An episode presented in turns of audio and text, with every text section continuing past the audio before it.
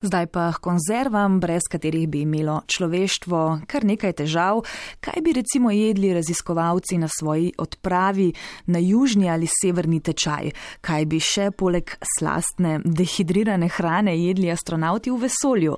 No, danes konzerve strežejo celo v zato posebej namenjenih restauracijah. V torkovem kvizu bomo pa postregli z ribjimi konzervami in to kar zdaj.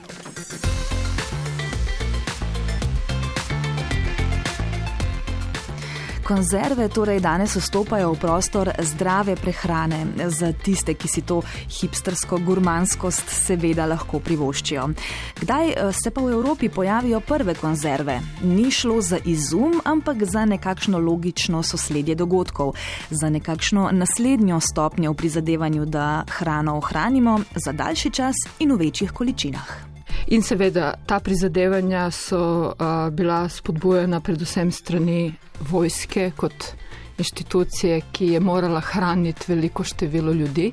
Razloži profesorica dr. Tanja Petrovič, predstojnica Inštituta za kulturne in spominske študije na ZRC SZU. Pod okriljem omenjenega inštituta je namreč nastala knjiga Zgodbe iz konzerve, ki opisuje zgodovino predelave in konzerviranja rib na severovzhodnem Jadranu. Če se vrnemo k vojski, nekje konec 18. stoletja je prišlo do resnejših raziskav o teh tehnologijah, ki bi lahko podaljšale čas hranjenja živil in jih je takrat naročala francoska vojska. Takrat so najprej probali s steklenimi posodami, ki so jih termično obdelovali, ko je hrana bila že noter, kar seveda ni bilo najbolj praktično.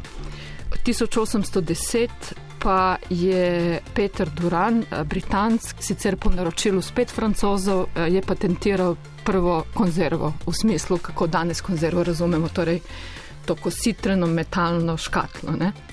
Konzerviranje je precej spremenilo način prehranjevanja, pa tudi, eh, kot sem že omenila, področje osvajanja sveta. Je pa povezava ribe in konzerve zelo močna, s tem smo se kot človeštvo kar precej ukvarjali.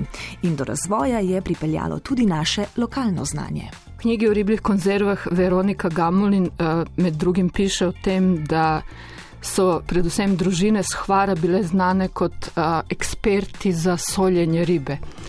In so kot taki ti ljudje odhajali v Italijo, na Portugalsko, kjer so tudi to znanje prenašali. Torej, konzerva, do konzerve ne bi prišli, če ne bi bilo tudi drugih tehnik ohranjanja, predvsem ribe, daljši čas. Sol je bil en način, drugi je bil maslo ali olje, seveda. Večino ribjih tovarn pri nas so odprli nekje od konca 19. do sredine 20. stoletja. V tem času je bilo na območju Jadranske obale, tam nekje do Črne gore, odprtih kar 59 tovarn od tega več kot polovica na otokih in v majhnih, praviloma konzervativnih mestecih se je življenje kar naenkrat začelo dogajati v ritmu proizvodnje, pove Tanja Petrovič. Pred tovarnami so pa ženske na slovenski obali pogosto delale v bogatih italijanskih domovih kot gospodinje. Ampak je ponovadi ta ekonomija potekala prek njihovih uh, staršev oziroma očetov. Oni tega denarja praktično niso videli v tovarnah eh, ribjih konzerv, kakorkoli to delo izgledalo na prvi pogled neprivlačno, so te ženske za svoje delo dobivale denar, osebno in direktno. Druga stvar pa je seveda tudi demografska, pride tudi do velikih sprememb v sami strukturi prebivalstva, prihaja do priselitve. Eh, ženski iz drugih koncev v času jugoslovanskega socializma je, so recimo na otoki, kot je Cres ali Lošin, so prihajale ženske iz Bosne, iz Dalmatinskega zaledja, torej iz eh, celinskega dela Hrvaške. Te ženske so se poročevale na otokih, eh, tam ostale, tam živijo tudi danes. To je spreminjalo demografijo in ustvarjalo precej pestro dinamiko, eh, doda sogovornica, tudi med ženskami v tovarnah. Pa vzdelki so se pojavili. Riba smrdi in delo v teh tovarnah prinaša nek vonj, ki je tudi zaznamoval predvsem ženske.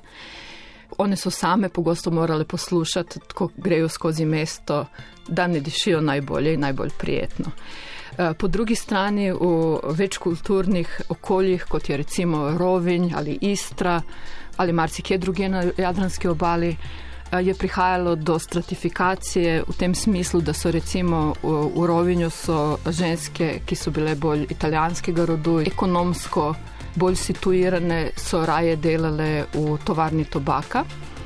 Medtem ko so um, hrvaške ženske uh, delale v tovarnah ribih konzerv, in v tem smislu so se ustvarjale določene uh, razlike teh žensk so se oprijemali vzdelki papaline, sardeline in še kaj podobnega, ampak one so uh, si te vzdelke nekako kar prilastile. Ne na zadnje jim je delo v tovarnah prinašalo ekonomsko samostojnost in simbolni kapital, s katerim so se uprle želitvam. Še danes, naprimer, rade povejo, uh, da čeprav so smrdele med delom, so si pa po delu lahko šle v trst kupiti kakšno lepo obleko, vedno so imele urejene pričeske, hodile so na zabave in vikend izlete. To se torej imenuje dostojanstvo.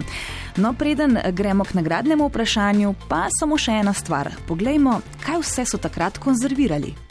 Ne samo sardine, ampak tudi lignje, skušo in čune s kaprami, um, različne stvari, ki so se približevale temu, s čem je dejansko konzerviranje ribe začelo. In to je bilo dejstvo, da je na začetku to bila prestižna gurmanska roba, ne? nekaj, kar je uh, bilo za majhno število ljudi in kar je bilo videno kot specialiteta.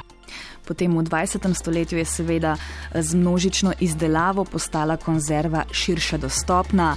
Danes pa je, um, kot sem v uvodu že namignila, pravzaprav neka retro zadeva. Um, no, zdaj pa k Delamarisu. Uh, o njem namreč tokratno vprašanje. Eh, na nič 1, 475, 22, 22 nas lahko pokličete, eh, če veste, kako se imenuje um, poklic. Ki nadomešča nekdani poklic specializiranega pokuševalca, ki so jih imeli v Delamarisu. Ti so namreč zagotavljali kakovost izdelkov. E, torej, zanima nas, kdaj je v Delamarisu zadnji pokuševalec končal svoje delo. Letnica torej in kateri poklic ga nadomešča danes. Um, nič 1, 475, 22, 22, če poznate odgovor na vprašanje. Lahko tudi malo ugibate, bomo pomagali. Torej, eh, kdo danes v Delamarisu, ki je edini ribi proizvajalec pri nas, opravlja tisto, kar je nekdaj opravljal tako imenovani pokuševalec, ki je zagotavljal kakovost izdelkov, in pa kdaj je zadnji zaključil s svojim poklicem. Nič 1, 475, 22, 22.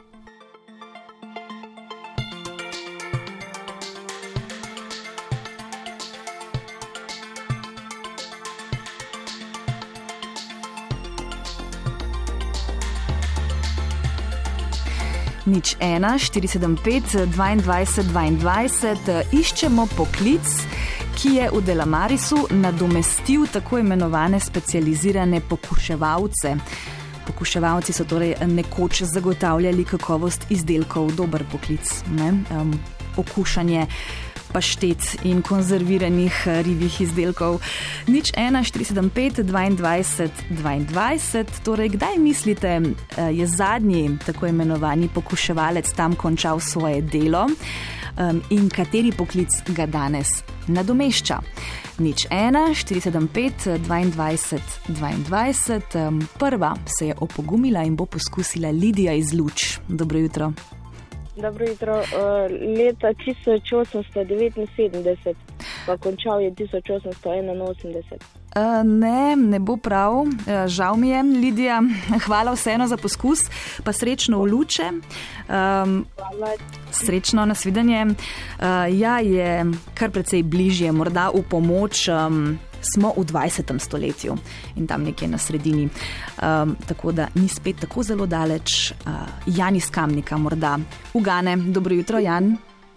Dobro jutro, ja, res čisto ugibanje. Jaz mislim, da je to kašen. Uh, kaj je še nujno, kaj je diplomiral iz živilstva in prehrane, jaz bi bolj nekaj psi zmislil, ne vem, tehnik uh, laboratorijske gastronomije, pa recimo, da 1983 leta. Joj, pri obeh ste za malo zgrešili, um, v pravo smer ste razmišljali um, pri Ja, pomoč. poklicu, ampak ja, za pomoč naslednji poslušalki. Hvala, Jan, vseeno, srečno. Hvala vam. Nasvidenje. Um, ja, smo bolj pri sredini, sredini 20. stoletja, kot je rekel Jan, um, precej pri sredini, morda to pomaga. Um, je pa razmišljal v pravo smer, kar se poklica tiče, živilski. Rekla tri pikice, iščemo še eno besedo. Ana iz Šmartnega obpaki, dobro jutro. Dobro jutro. Povejte, Dobro jutro. če je kaj pomagalo. Pokoševalec, mislim, da je zaključil z delom leta 1950. Tako je. Mareso, ja. In pa še, um, kdo bi ga lahko nadomeščal, kateri poklic, ki ga imajo v tovarni. Smo povedali nekaj na živilskem področju. Ne? Na živilskem področju, ja. Ja, a bi šlo um, povedati kaj? Kaj vem, ribogojec je mogoče preširoko, ne? Ne, to je preširoko. To je V preširoko. tovarni, prav v tem tovarni. procesu predelave. Živilski, živilski, a, rib, presk, živilski. Toliko vam Ne vem, pomagam, eh, da vam Ja. povem prvo črko prav. Črka Ja, T to. je to. T kot tuna. A bo šlo? To, a, dvomim, ne vem. Ne bo šlo. No, pa pos, uh, naslednjič morda, Ana, kdo prav? prav, ja, v redu, ja. poskusimo Nasvidenje. um, nasvidenje. Ja. Uh, poskusimo še v postojni. Jože bo poskušal. Dobro jutro. Še zadnji klicatelj danes. Dobro jutro, Jože, se slišimo? Ne, se pa ne slišimo, očitno smo ga izgubili, ja, škoda. Škoda, um, čas nas žal uh, malce preganja, zato bom kar zaključila um, tole nagradno vprašanje. Zadnji pokuševalec, torej kot ste pravilno oganili, je končal delo leta 1950, danes pa uh, njegovo delo opravlja živilski tehnolog. Torej, morda več sreče prihodnič um, bo kakšno lažje vprašanje, se bomo potrudili. Eh, Do sedmih so pa še tri črtice oziroma tri minute in zadnjo eh, črto pred drugo jutranjo kroniko zdaj potegne Slavko Ivančič.